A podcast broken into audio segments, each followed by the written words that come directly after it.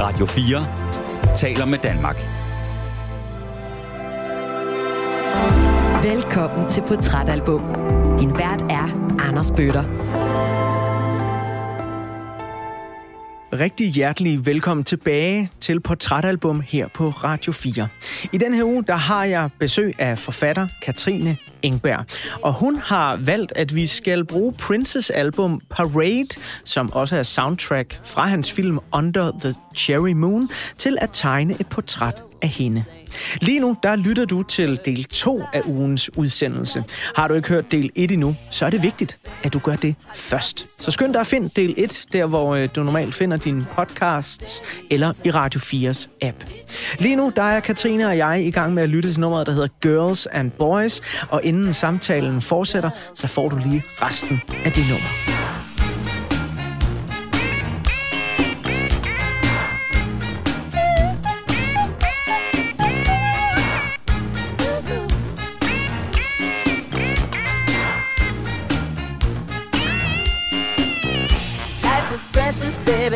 Love is so real. I can't take a break up if you say that you care. He had to run away, his pride was too strong. It started raining, baby, the birds were gone. Oh, I love you, baby. I love you so much, baby. Maybe we can stay in touch. Meet me at another world. Another world, space and joy. Très belle. Vous êtes très belle, mama. Girls and boys. Oh.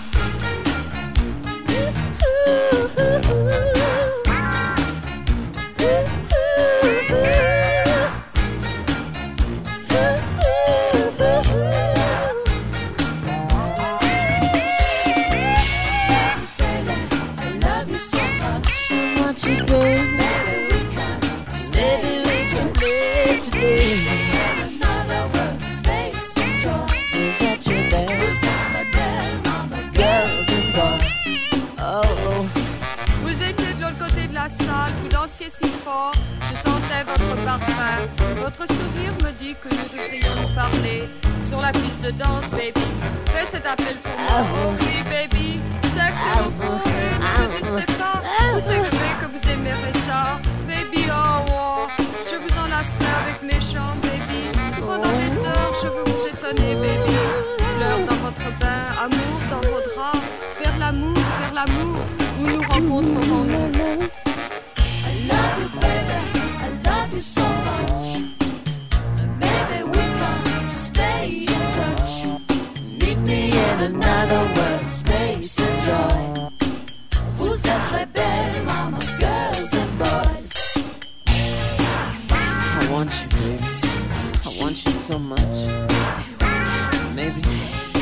can stay in touch. Another world, space, lips, face in its something form is a feeling that I get real warm, warm. Happy when we get when we do what we do. Happiness and mama is being with you, Lord. Lead me somewhere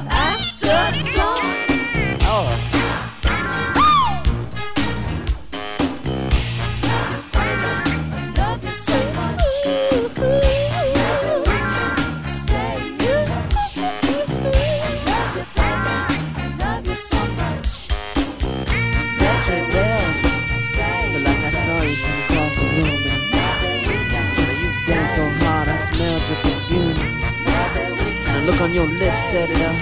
We can talk some more, some more on the dance floor, baby. Hear the words we saying, feel the of lane. Not is what I wanna be with you tonight, tonight.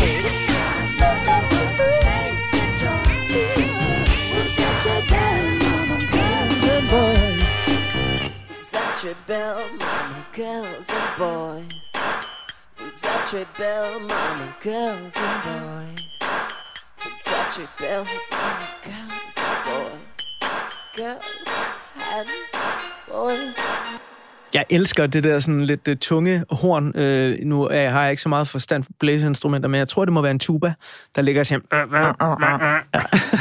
det er virkelig, virkelig fedt, altså. Uh, skønt. Du fortalte mig, uh, mens vi hørte nummeret her, at uh, den her sådan lidt uh, underlige franske monolog, der er, Ja. uh, den uh, kan du stadigvæk i godsøjne synge med på. Fordi du synger lidt med på den, sådan som du gjorde, da du var 11. Ja, ja, fuldstændig. Jeg aner ikke, hvad hun siger. Uh, hun har en lang smøre om... Que- Altså, så taler man med, og jeg, kan, altså, jeg aner ikke, hvad hun siger, men jeg kan den sådan uden ad ish. Ja. Øh, På børnevolapyks. På børnevolapyksk. Ja. Og jeg har, ikke, jeg har ikke aldrig revideret. Jeg har aldrig lært den. Jeg, nu, jeg kan den på præcis samme måde, som da jeg var 11. Katrine, i øh, del 1 af ugens udsendelse, der lærte vi øh, dig at kende anno 1986, hvor du hører det her album for første gang, og det bliver sådan en af de helt signifikante oplevelser, der øh, får dig til at afsøge ny, spændende musik, og vel egentlig også et album, hvor man kan sige, at det er noget af det første, der bliver dit eget. Ja. Ja. Og øh, så fik vi beskrevet, hvordan at øh, du øh, var et barn med et øh, rigt indre liv, som øh, havde tendens til måske at være lidt introvert, men også elskede at optræde med dans på scenen. Mm. Og det er jo det, som øh, der sådan ligesom blev din vej i livet til at starte med. Her i 2022, der er du øh, ikke lige for nylig sprunget ud som forfatter, men øh, for et par år tilbage, og det er gået rigtig stærkt, og det er gået rigtig godt. Inden vi øh, fortsætter med at tegne portræt af dig her i 2022, da du sad tilbage i 2016 og skulle udgive din første krimi, øh, jeg er klar over, at du også har udgivet andet før, som ikke er skønlitterært, men da du skulle udgive den, havde du sådan nogen idé om sådan, det her, det kommer nok til at gå rigtig godt. Det her, det bliver en ny vej i livet, som øh, jeg kan leve af. Øh, nej, det havde jeg ikke, men jeg havde til gengæld en fuldstændig klar følelse af, at det var det, jeg ville. Og den har jeg ikke haft før øh, professionelt. Altså, jeg har været meget søgende i mit arbejdsliv altid, fordi at jeg godt nok elskede at danse, og jeg uddannede mig som moderne danser, men jeg har aldrig elsket professionen. Altså, som arbejdsliv var det, ikke, var det egentlig ikke for mig. Så jeg har altid sådan søgt i alle mulige forskellige retninger, øh, og, da jeg så udgav min, min første bog, så kunne jeg mærke med fuldstændig utvetydig klarhed, at det var det, jeg ville med resten af mit liv. Øh, og det var ret fedt. Så jeg, jeg gik jo fra en usikker profession til en anden, mindst lige så usikker Ja, profession. jeg skulle- jeg skulle lige sige det. Så, men, men der kan man sige, at jeg var jo velsignet med at have haft, altså som danser og koreograf tjener man ikke specielt mange penge, og det er meget usikkert, hvornår man får det næste job. Så på den måde har jeg sådan, egentlig, har mit arbejdsliv egentlig altid været sådan lidt, ja, lidt, øh, altså jeg har klaret mig rigtig fint og altid forsørget mig selv, det er ikke på den måde, men jeg, det har, jeg har ikke haft de store sådan materielle øh, ambitioner eller drøm om at være verdensberømt eller sådan noget. For mig var det fint at kunne leve af det, jeg holdt af at lave. Det synes jeg var privilegeret nok i sig selv. Så på den måde, så, så kastede jeg mig egentlig bare ud i noget andet, som var usikkert på samme måde, og tænkte, om det skal nok gå på en eller anden mærkelig måde. Men altså, øh, dansen og, det at skrive har jo selvfølgelig øh, kreativiteten til fælles. Men ellers tænker jeg sådan, at der, der er jo næsten noget sådan helt smukt i billedet af en danser, som primært bruger fysikken, kroppen til at udtrykke sig, kontra det at være forfatter, som jo ja, altså øh, bruger ordet Ja. til at udtrykke sig. Det er jo, tror jeg, nogle lyttere vil sidde og tænke, det er godt nok et modsætningsforhold. Ja, ja det gør de fleste. Det kan Ja. jeg godt forstå, men det, det er det ikke for mig. Okay. Jamen, det, det, og det handler om, hvordan, øh, altså du, nu siger du netop det her med kreativiteten, og historiefortællingen har det jo faktisk til fælles. Og så, øh, øh, så er der en masse intuition med i begge processer. Altså, øh, der er en kropslig intuition som, i dans, som handler om, der, nu er der noget musik, jeg bevæger mig instinktivt til den. Den kommer ikke igennem noget filter. Øh, og faktisk så skriver jeg på samme måde. Altså, jeg har en, en følelse, jeg har en, en idé, jeg, har, jeg er inspireret til at fortælle en historie, men det er jo ikke, sådan, det er ikke, det er ikke så skematisk, og det er ikke analytisk, det er ret intuitivt. I hvert fald til at begynde med, så kan man senere i processen, så skal der redigeres og efterarbejdes, så der slår jeg hjernen lidt mere til. Men, men øh, den, den sådan, øh, kreative del af processen er meget lig dansen. Altså det er meget intuition, og så er sprog jo musik.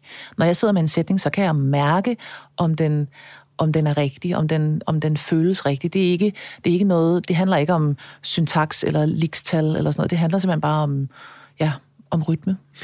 Og det er jo også nærliggende, når nu jeg har en forfatter i studiet, og spørger, da du øh, falder for det her Prince-album øh, som 10-11-årig, øh, og hører det, bliver tekster vigtig for dig, altså hvad han synger om, eller er det primært rytmen, det man kan kun, danse det til? Er kun, det er kun rytmen og fornemmelsen og det intuitive. Jeg havde ingen anelse om, hvad han sang om.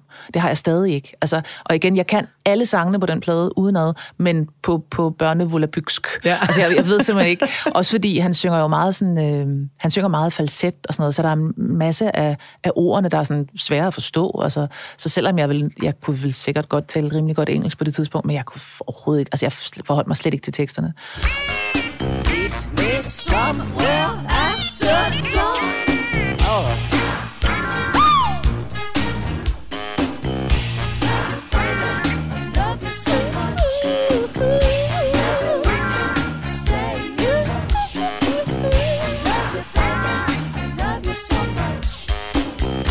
Men hvad så den dag i dag her i 2022, når du hører musik? Nu sagde du for eksempel i øh, del 1 øh, tidligere, at øh, du har faldet meget pladask for The Minds of 99 og nogle af deres nyeste udspil. Bliver tekst så vigtig for dig, eller er ja, du det stadig... Er det, nej, det er faktisk blevet vigtigere, og Ja. ja. jeg tror egentlig bare, det handler om at være blevet lidt ældre øh, for mit vedkommende. Altså ikke, at alder nødvendigvis øh, har den effekt, men, men for mig øh, er, er tekster blevet meget vigtigere, end de var, da jeg var øh, barn og teenager. Øh, jeg synes, Niels Brandt skriver nogle fuldstændig geniale sangtekster. Noget er på vej. Ikke i rute, men på vej. Bordene brænder. Vi drikker vin og danser til. Og det er faktisk meget hans tekster, der åbner øh, Minds of 99's øh, univers op øh, for mig, eller åbner det for mig, øh, mere end musikken. Og det, det, det, er, det er helt klart noget, der er kommet med alderen. Sådan havde jeg det ikke før. Kan, kan du huske den første Niels Brandt-tekst, som sådan virkelig rørte dig? Altså, hvor, hvor er vi henne der? Er vi nået i deres tidligere albums, eller er det det senere? Ej, det, altså, øh, jeg ved præcis, hvad det er for nummer. Det, og jeg har det til fælles, eller min kæreste, jeg har det nummer til fælles ja. med rigtig mange andre kærestepar. Det er det nummer, der hedder Hurtige Hænder. Ja. Øh, der findes en, en, øh, en akustisk version, som, øh, som jeg ved, altså vi var til, til deres koncert ude i øh, Royal Arena her for et, er det et halvt år siden, mm. og der stod 15.000 mennesker og sang med på det nummer, med, og tog ejerskab over det på fuldstændig samme måde, som vi gjorde. Så jeg ved, at det er, det, det er et nummer, der har ramt mange øh, Ja. på samme måde og samme, ja, øh, af samme kanal, om man så må sige. Bygger luftkasteller Og lever og elsker som mennesker.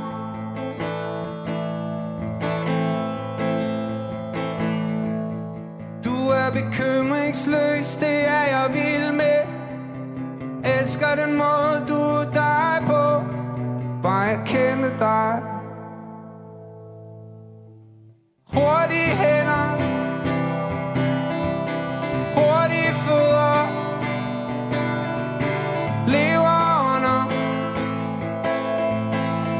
Danser og synger. Tag mine hænder. Mine hurtige hænder. Følg mine læber. Kys mig, elsk mig. Jeg er lidt nysgerrig på, øh, altså nu startede jeg jo også i, i del 1 med sådan at introducere, at øh, du har øh, mod i livet også til at tage nogle forskellige valg. Øh, umiddelbart efter corona, så blev du skilt fra din mand, og øh, der sker nogle ting i dit liv, hvor du ligesom, jeg vil ikke sige, har taget en uvending, men jo igen også det her fra at gå fra at være danser til at være forfatter. Øh, jeg forestiller mig heller ikke, det er en beslutning, der sådan blev taget overnight, at nu vil jeg ikke danse mere, nu skal jeg til at skrive. Men kan du prøve at fortælle dig om, altså, hvad sker der i den periode i dit liv, hvor du sådan ligesom får øjnene op for, okay, det kan være, at det her, det er vejen? Øh, ja, altså jeg, jeg tager ingen beslutninger overnight. Jeg er egentlig generelt er jeg en, en, det, man kalder en langsom sjæl. Øh, og jeg er også sådan, om man så må sige, grundig. Altså jeg, jeg, øh, jeg bruger lang tid på at, at mærke og tænke og tykke, før jeg, før jeg rykker. Øh, også selvom jeg egentlig har ret meget sådan handlekraft, føler jeg, så, så er jeg sådan, følelsesmæssigt har jeg, er jeg en, en langsom sjæl. Øh, men man kan sige, det, det der skete øh, helt konkret var, da jeg var 36, der dansede jeg med i min sidste forestilling.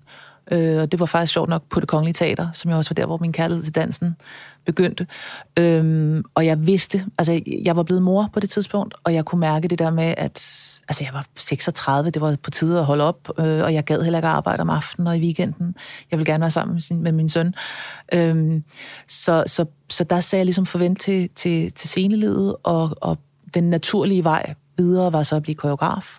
Og det, det arbejdede så som i nogle år, havde nogle enormt sjove oplevelser og fede jobs, og, øh, og kunne stadig bare mærke, at det var ikke rigtig min vej og mit sprog.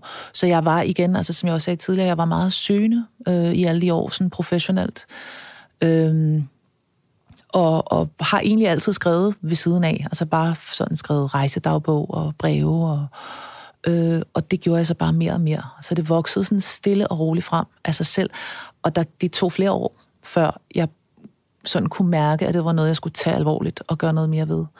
Øhm, så ja, det var en, en meget langsom proces. Også fordi, at, at for mig er det skrevne ord, det er mit sprog. Altså det er mit, mit allermest følsomme og personlige udtryk. Så at komme derhen, hvor jeg tog vise det, jeg havde skrevet til nogen, det tog mig simpelthen altså, adskillige år. Øh, det var simpelthen, jeg var så bange for deres dom over det. Ja, var det ikke sindssygt angstprovokerende at skulle Jo. udgive sin første bog? Jo, helt voldsomt. Helt forfærdeligt. Øh, det er det stadig. Altså, det, det, det er enormt sart øh, og, og svært, og helt vidunderligt jo samtidig. Ikke? Men ja, så er vi tilbage ved det der med at være stå på scenen og Ja. være stolt og glad og have Ja. lyst til at lægge sig under dynen. Det er, meget, det er ikke, der er ikke så meget, der har ændret Lige sig der. præcis. Hvor jeg, vi skal øh, fortsætte portrættet af dig lige om lidt, når jeg øh, bladrer op på den næste side, og der simpelthen er et billede af dig her i 2022, fordi jeg er nysgerrig på, hvad der sker i livet lige nu. Men øh, inden da, så har jeg været så fræk at øh, tillade mig at øh, vælge et af mine egne favoritnumre fra Parade, som jeg jo kan takke dig for, øh, fordi som sagt, jeg kendte ikke albumet vildt godt inden at øh, vi snakkede sammen, men der ligger et nummer lige midt på pladen, der hedder Life Can Be So Nice. Ej, det er også fedt. Ja, der tænkte jeg sådan, ja. Lige nu, øh, det, det lyder som, du, som om du er et godt sted i livet. Øh, det kan jo være, at jeg bliver rettet øh, lige om lidt, og, og alt er helt forfærdeligt. Jeg tror det ikke, men øh, indtil da, så kommer i hvert fald Life Can Be So Nice.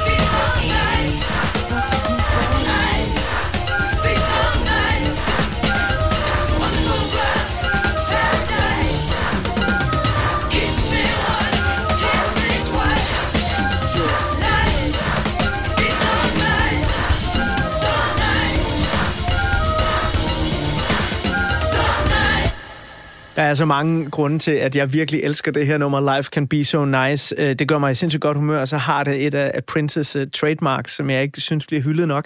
Hans måde sådan at vride sig på i sådan en... Ja. altså, jeg tror, han sådan, ja, har måske fået lidt fra James Brown, men også gjort det til helt sit eget, ikke? Mm. Altså,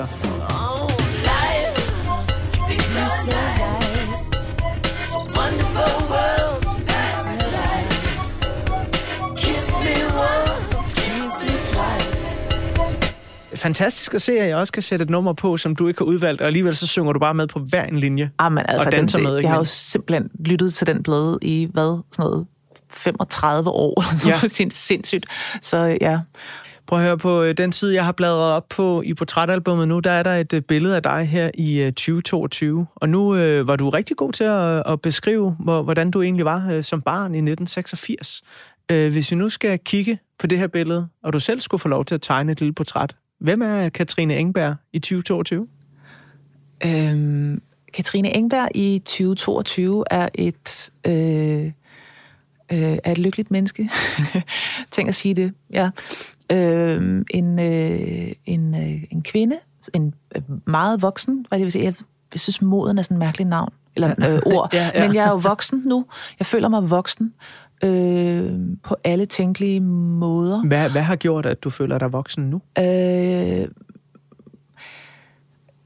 jamen, jeg, jeg, jeg har flyttet mig ekstremt meget øh, i det seneste, øh, ja, i de seneste par år øh, personligt, og, og har øh, øh, gjort mig en masse erkendelser, og har øh, kigget ind i nogle blinde vinkler, jeg har båret med mig hele mit liv, og har lært på en ny måde, altså på et nyt niveau, at, øh, at være tæt på nogen og at elske.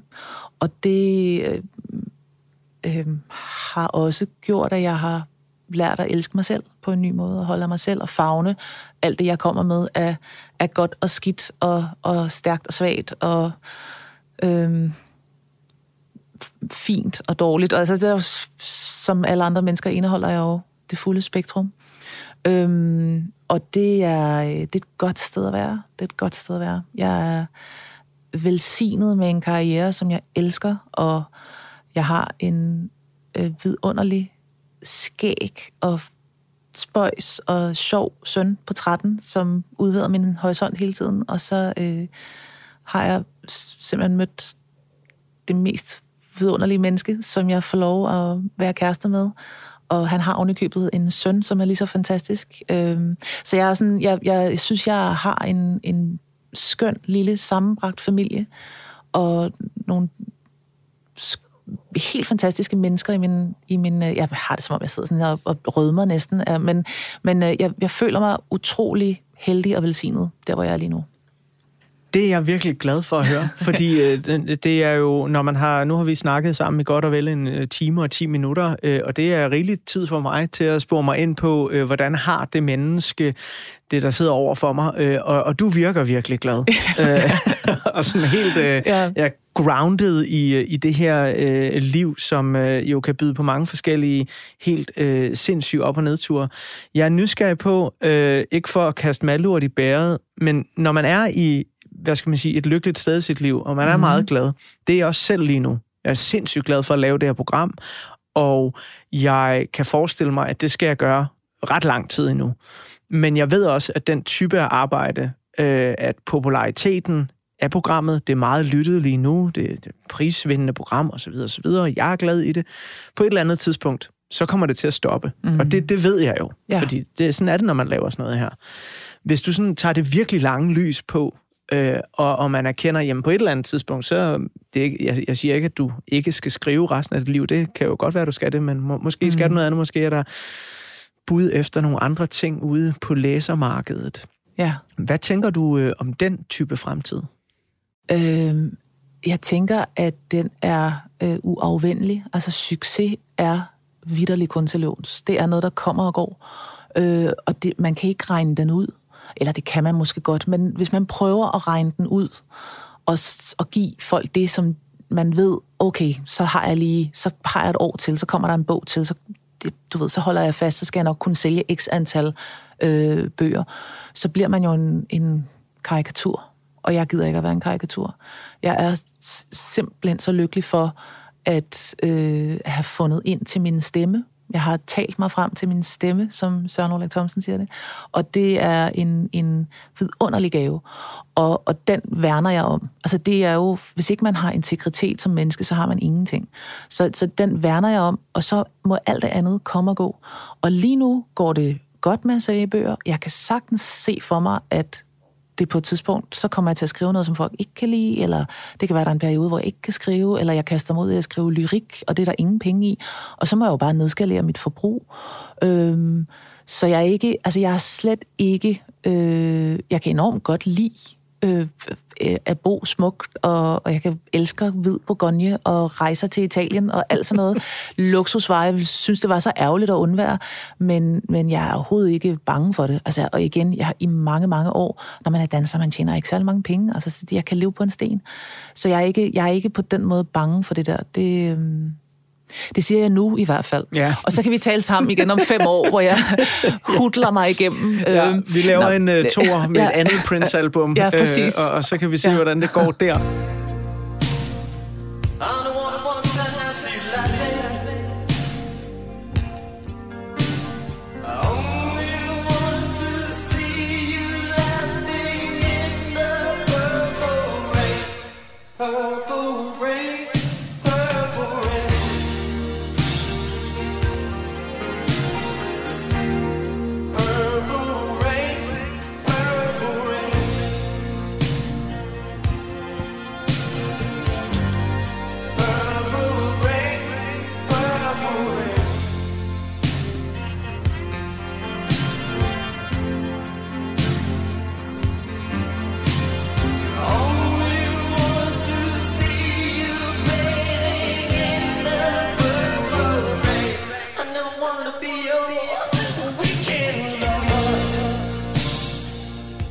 Øh, jeg er nysgerrig på som forfatter, når man netop taler om det her med, at øh, jamen, på et eller andet tidspunkt, så øh, er der måske nogen, der dømmer en for at gentage sig selv, eller mm. man bliver en kliché i sit eget univers. Der er jo nogle forfattere, der har bygget en meget, meget lang karriere, altså hvis du kigger på folk som Agatha Christie eller Stephen King, der jo Mm. bare har udgivet bog på bog på bog på bog på bog. Øhm, og øh, de har på mange måder jo faktisk undgået det her med at falde i en eller anden fælde, hvor de bliver ved med at gentage sig selv. Ja. Har du nogle forfatteridoler, du kigger mod, hvor du sådan tænker, det her, det er et godt forfatterskab? Ja, absolut. Altså, øhm, nu nævner du øh, Agatha Christie, hende har jeg aldrig været sådan den, den helt store øh, øh, øh, fan af, men øh, hendes samtidige britiske kollega, Dorothy L. Sayers, hun skrev nogle fantastiske romaner, som jo nu er 100 år gamle, og som, som stadig er Øh, altså, det er simpelthen klassikere, de, de er simpelthen så læseværdige. Øh, der er også en, en anden britisk krimiforfatter, der hedder Ruth Randell, som desværre døde for en 6-7 år siden, som var ekstremt produktiv, og hun gentog aldrig sig selv. Altså, jeg har alle hendes sådan noget 58 bøger, eller sådan noget. Hun har skrevet sindssygt mange bøger, og, og de ligner ikke hinanden overhovedet. Så man kan sagtens være produktiv, man kan sagtens være kommersiel, uden at blive en kliché og uden at gentage sig selv. Det handler jo bare om at lytte til sin egen stemme og, og, og sådan øh, følge sin egen formåen og ikke gøre, ikke gøre vold på det, øh, fordi man tænker, at ah, men jeg skal også lige have øh, betalt den udestue der. Så, så det er jo egentlig bare det. Og så, så er der jo stor forskel på, hvad, hvad vi har af historier i os alle sammen. Ikke? Og det, det må man jo så bare respektere og, og, og følge. Yes, boy.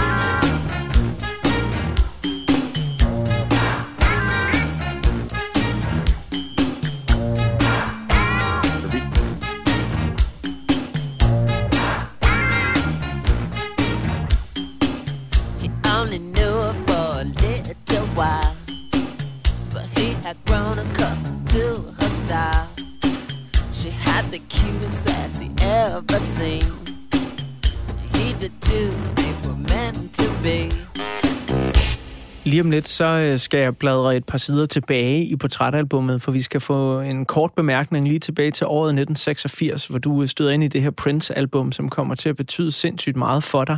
Øh, Men inden vi kommer til øh, et lille portræt af musikhistorien i 1986, så kunne jeg godt tænke mig at høre, der i 86, læser du, der er, du, der er et meget læsende barn. Ja, det Hvad er læser du? Øhm, ah, Jeg tror, at jeg på det tidspunkt... Øh, ja, det er oplagt, at jeg kunne have været i gang med for eksempel øh, Michael Endes Den Uendelige Historie. Øh, og, og folk, der har set filmen og ikke kender bogen, øh, skal pakke deres fordomme væk, fordi filmen var ikke specielt god, men bogen er genial. Altså virkelig genial, og åbnede også litteraturens verden for mig på en ny måde. Så det kunne sagtens være den, jeg var i gang med. Virkelig, virkelig øh, et smukt eksempel på en øh, god bog, der øh, også betød meget for mig i øh, de formative år. Nu, der vil jeg lige øh, give dig en lille tidsmaskine igen tilbage til året 1986, fordi jeg er jo nysgerrig på. En ting, der er at kunne lide Prince, men øh, lad os prøve at høre, om der også er andet i det år, som øh, du har båret med dig igennem livet her til 2022.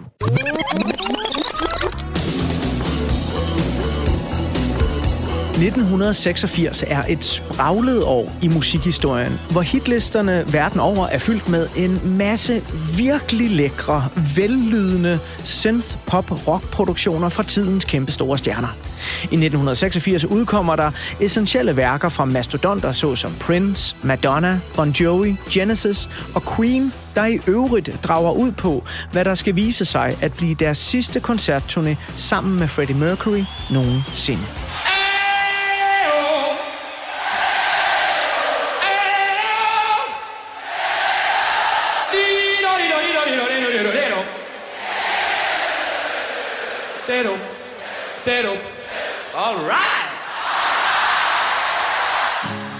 1986 er dog også året, hvor en masse musikalske subkulturer og modkulturer for alvor begynder at vise muskler, tænder og bare hud.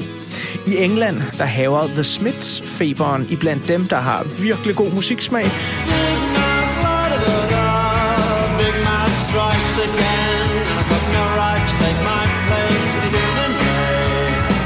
Og i USA, der er både jangle rockgruppen R.E.M. og hiphop-pionærerne Run DMC ved at slå deres navne godt og grundigt fast.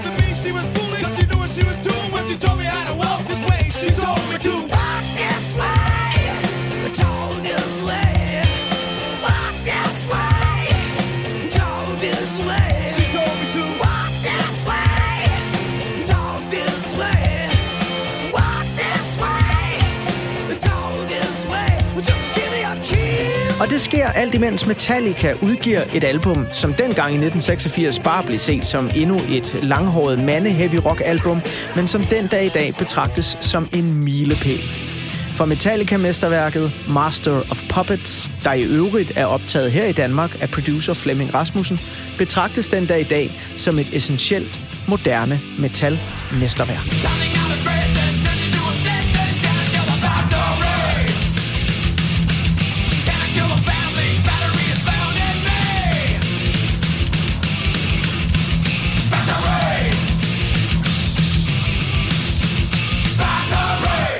Men hvis vi skal tage et hurtigt kig på, hvad der virkelig hitter, altså med kæmpestort H, så er 1986 faktisk ikke året, hvor Whitney Houston udsender sit solo debutalbum. Det udkom nemlig året før.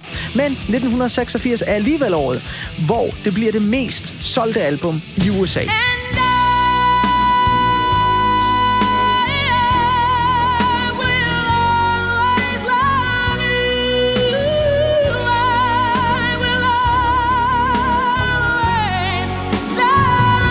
bliver dog skarpt forfulgt af Janet Jackson, som udsender sit tredje album Control, og Paul Simon, som brillerer med den helt fantastiske Graceland. If you'll be my bodyguard, I can be your long lost pal. I can call you daddy,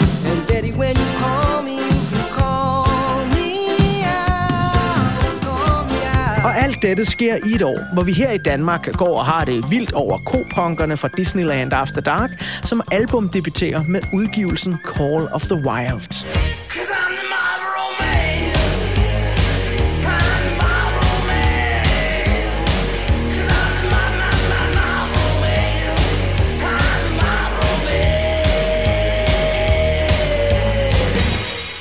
Alt imens det pionerende danske hiphop-orkester Rockers by Choice bliver dannet et eller andet sted ude på Amager.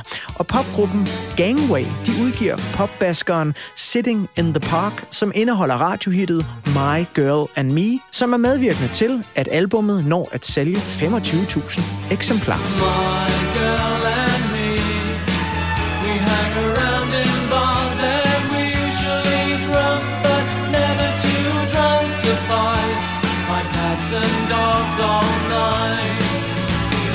Det er dog meget små tal i forhold til Kim Larsen og legekammeraterne i hans nye band, Bellamy. De udsender nemlig deres første album som band, og albummet Forklædt som voksen, der indeholder klassikere såsom Jutlandia, Frosuterne og Om lidt, bliver intet mindre end det næstmest solgte album i Danmarks historien. Faktisk kun overgået af Kim Larsens soloalbum Midt om natten. Forklædt som voksen har her i 2022 solgt 540.000 eksemplarer. Hvad for langt Frosuterne Vil de danse lidt for mig? Og jeg vil, ja, jeg vil så gerne. De må ikke sige nej.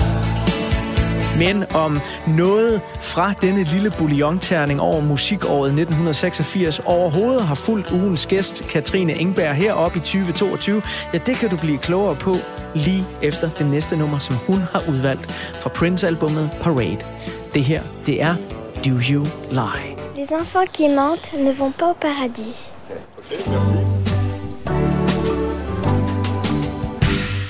When I lie awake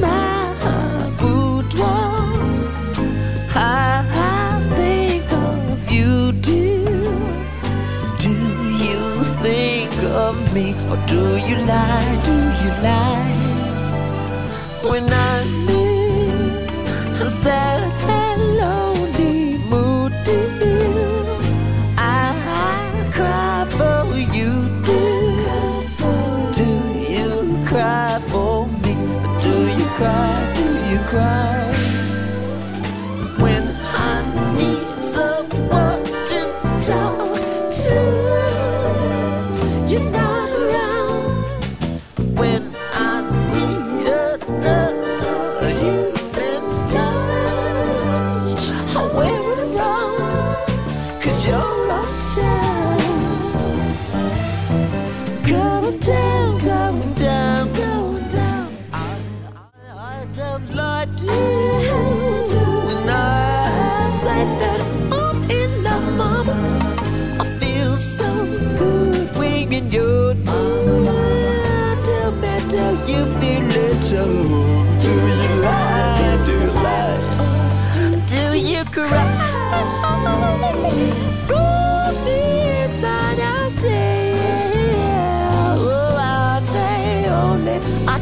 Artificial tears?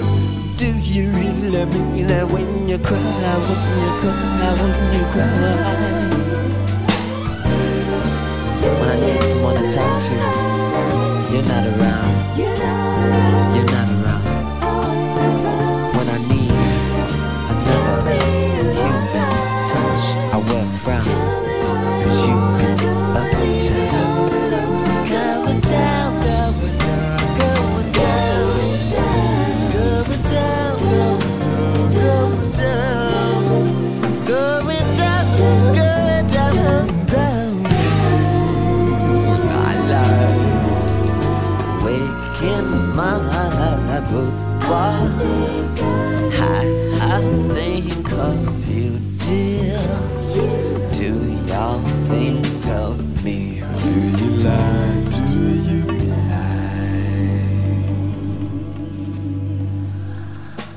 Så var der øh, flere fantastiske toner fra Prince på nummeret Do You Lie, et nummer, som øh, du har udvalgt, øh, Katrine Engberg.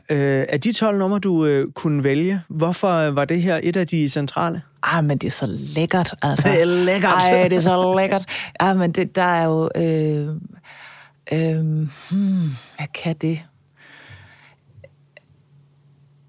Jeg tror faktisk, at lige præcis på det her, nu har jeg ikke talt, altså nu har jeg faktisk sådan sagt, at teksterne ikke som sådan øh, betød så meget for mig, men lige præcis den her tekst kan jeg godt huske at stå som, som 11-årig barn, men med en lille bitte øh, tog ind på vej mod noget voksent, og tænke, at det, er det kærlighed, eller hvordan er det sådan, det hænger sammen? Øh, den der sådan igen, det er jo sådan en meget sensuelt og kælende nummer, øh, og han, han, han snakker om at ligge alone in my boudoir og tænke på dig, og, og forestille sig det her menneske, som så øh, øh, for, for, forstiller sig for ham, eller hvad er det, der foregår? Jeg kan huske, at jeg var sådan ja, mystificeret og nysgerrig, og synes, det var vildt spændende og svært at forstå. When I need someone to talk to,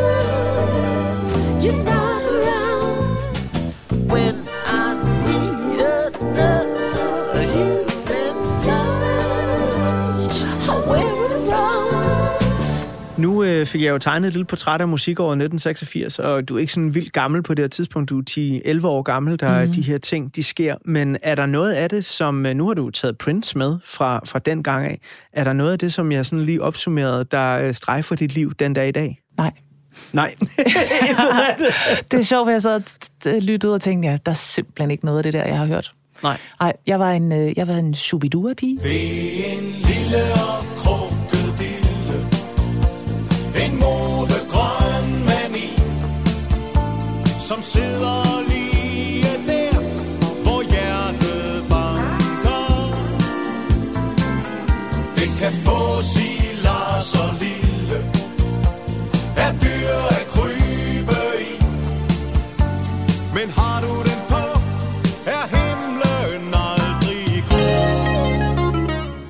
Jeg var aldrig rigtig øh, Kim Larsen, og jeg var, altså, jeg var på det her tidspunkt, hvor jeg også begynder sådan at danse det, der hedder jazzballet, ja. øh, der i 86, øh, eller i årene sådan lige efter, og jeg begynder at interessere mig for rytmisk musik. Der er jeg, øh, det, der dengang hed en poptøs, Ja. øh, så jeg, jeg hørte ikke rock og, og hiphop og sådan noget. Det, der var jeg slet ikke over. Altså for mig skulle det være melodisk, men det skulle også have kontrast. Og det var jo det, der var det fede for mig ved Prince, var, at han var ikke glat. Altså, der var altid noget, der stridede den modsatte retning, og var sådan underligt foruroligende i musikken. Og det har jeg brug for. Altså, så, og for mig var, og nu fornærmer jeg en hel masse mennesker dødeligt, men, men jeg, jeg, jeg hoppede aldrig på Madonna, for eksempel, fordi det simpelthen blev for, øhm, for, ja, for glat, eller sådan for... Der, der, jeg manglede de der modhager. Det virker måske også en smule kalkuleret i forhold til Prince. Ja, det kunne, altså, det, jeg tør næsten ikke at sige det. Jeg ved, jeg kender nogle mennesker, som bliver rasende på mig over, over det som Madonna. Men igen, det er jo, det er jo bare min oplevelse, Ja, ja, ja. at, at øh, ja, altså måske netop sådan lidt, lidt, øh, lidt kalkuleret, at hun havde netop regnet den ud, hvor jeg altid havde fornemmelsen af, at fra Prince, der strømmede det fra en eller anden øh, uudtømmelig kilde af øh, inspiration og integritet, og han var fuldstændig ligeglad, hvem han ramte, og hvordan, og hvad vi ellers gik og havde. Altså, jeg kan faktisk huske, at jeg engang sagde, øh, at det er nemt at skrive et hit. Så, øh, og nu var du også inde på flere gange det her med, at hitsene lægger han bare sådan skødesløst sidst på pladen. Han er ligeglad. Ja. Altså, det, er jo, det er jo nemt nok. Det, der er svært, er at skrive noget, der har integritet og rammer på dybere planer. Jeg synes, det siger enormt meget om dig, Katrine, at øh, dels øh, du vil gerne have integritet i din musik, øh, og, og hele det her med, øh, ja, det, der skal nærmest være nogle modhager mm. i musikken også. Det, Ja. det må ikke blive øh, for pænt. Altså det er vel også næsten sådan, altså nu kan jeg jo godt lide at overføre musik til hele livets betydning, men det er jo også en måde at gå til livet på.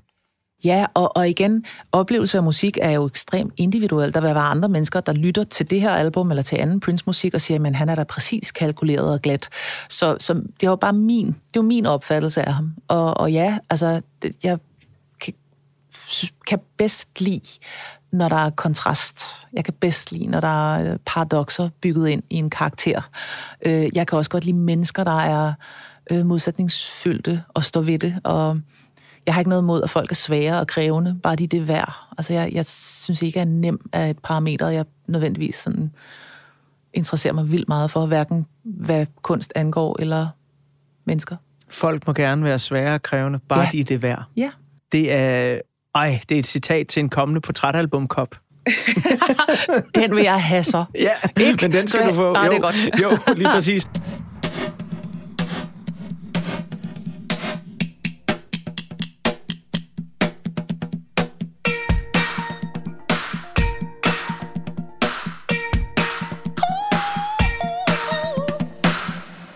vi skal snart til at bladre op på de sidste sider af portrætalbummet. Øhm, men inden vi kommer så langt, så kunne jeg godt tænke mig bare lige at kigge lidt ind i krystalkuglen, fordi nu er du altså sådan for forholdsvis nylig gået i gang med et ret stort nyt kapitel i dit liv. Øh, har fået en ny fantastisk kæreste, som gør dig glad. Mm. Øh, du er begyndt i et et nyt krimi-univers, øh, som ikke handler om øh, Kørner og Werner længere. Mm. Øhm, men hvis vi sådan, øh, ja, kigger de der berømte 5-10 år ud i fremtiden i krystalkuglen, hvor er du på vej hen lige nu? Øhm... Ah, ja. Øhm, jamen, jeg, jeg, jeg tøver, fordi, altså dels fordi, at jeg øh, har det vildt godt, hvor jeg er, og ikke sådan nødvendigvis har super meget behov for at kigge 5-10 år ud i fremtiden. Og dels fordi jeg kan mærke, at det føles bare vildt privat. Og sådan, at, ja, det ved jeg som ikke rigtigt, om jeg, om jeg synes rager dig. Men, øh, men, øh, men jeg, jeg, altså, jeg vil gerne fortsætte med at skrive. Øhm, og øh, så må vi se, hvad der, hvad der ellers sker i mit liv. Øhm, ja. Prøv at høre, jeg glæder Ja. mig til at følge med. tak.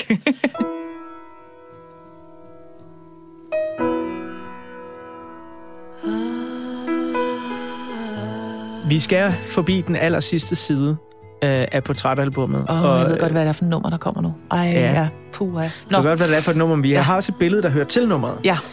Øhm, fordi det er jo sådan på den sidste side af portrætalbummet, der, der skal vi jo ligesom have rundet portrættet af dig fuldstændig, og det er selvfølgelig noget, vi forestiller os oppe i hovedet, fordi vi er ikke så langt endnu. Men på den sidste side af portrætalbummet, der er der et billede af din begravelse. Ja. Katrine Engberg, hvordan vil du gerne herfra? Øh, det ved jeg ikke, fordi det, det må være op til mine, til, til de mennesker, der, øh, som jeg efterlader, øh, hvordan de synes, at det skal rundes, men de må godt spille det her nummer. Mm. Du har regnet ud, at det skal være Sometimes It Snows in April. Ja, og jeg ved godt, at igen, altså jeg har, jeg har ligesom disclaimet, jeg er en poptøs, og, og det her, det er også sådan et nummer, som, som os, der elsker Prince, deler med resten af verden, ligesom Kiss er det. Ja. Ja. Men for mig er det, er det jo, altså det er et nummer, som voksede ind i mit liv, da jeg var 11, og som satte sig lige der, hvor øh, længslen og melankolien og kærligheden bor. Og det gør det stadig for mig, det nummer. Så, så jeg, jeg ved godt, at det, at, det har, at det repræsenterer noget sådan, ja, en, noget, der måske for mange er bare er poppet og overfladisk, og for mig er det et ekstremt vigtigt nummer. Jeg elsker det. Og jeg f- øh, har svært ved at høre det, uden at græde. Så jeg, jeg har ingen tøven med at sige, at det må de gerne spille til min begravelse. Ja, jeg skulle lige til at spørge, om, ja. Om det skal spilles Ja, til men det, det begravelse. skal det. Ja, tak. Okay. Det må de gerne. Jamen, øh, så vil vi, øh, jeg skulle lige til at sige, bære kisten med Katrine Engberg Ja. ud til det Jamen, her nummer. Men Jamen, så tak for nu, alle sammen. Det var hyggeligt. Hej, jeg skal hej. huske at sige tusind mange gange tak, fordi du kom. Tak for invitationen. Det var ja. rigtig skægt. Jamen, det håber altså, jeg, øh, til- selvom vi slutter på en high note, må man nok sige. Og øh, så held og lykke med, hvad der end måtte ligge i krystalkuglen. Om det er fem dage frem eller fem år ud i fremtiden, så er jeg i hvert fald sikker på, at du står et rigtig, rigtig godt sted lige nu.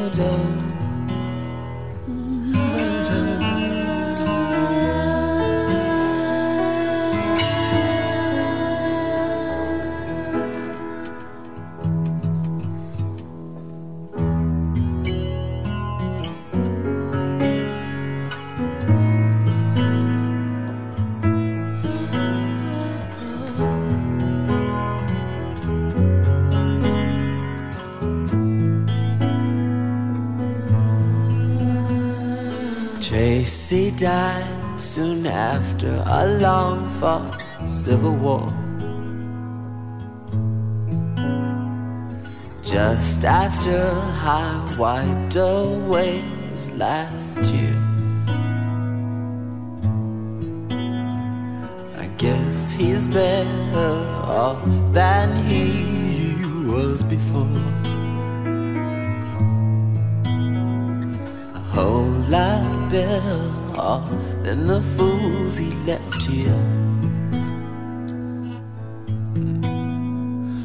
I used to cry for Tracy cause he was my only friend. Those kind of cars don't pass you every day.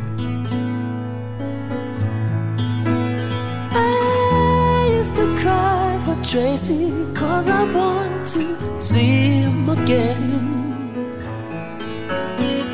But sometimes, sometimes life ain't always the way.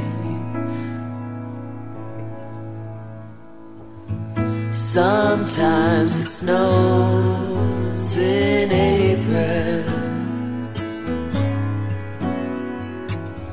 Sometimes I feel bad, so bad. Sometimes I wish that life was never ending. And all good things they say never last. Springtime was always my favorite time of year. Time for lovers holding hands in the rain. Now springtime only reminds me of Tracy's tears. Always cry for love, never cry for pain. He used to say so strong, oh, unafraid to die, unafraid of the death that left me hypnotized.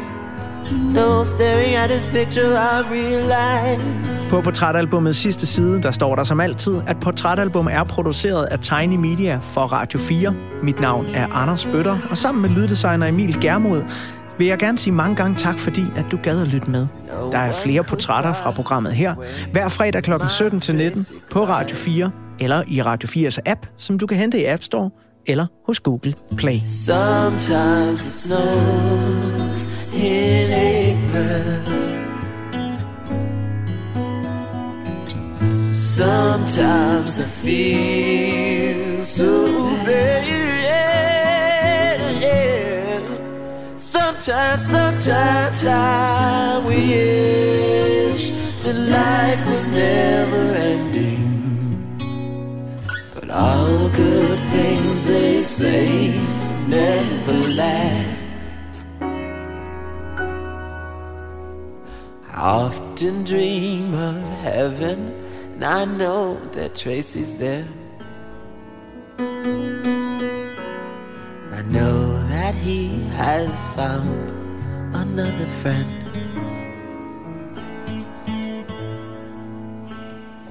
Maybe he's found the answer to all the April snow. Maybe one day I'll see my Tracy again.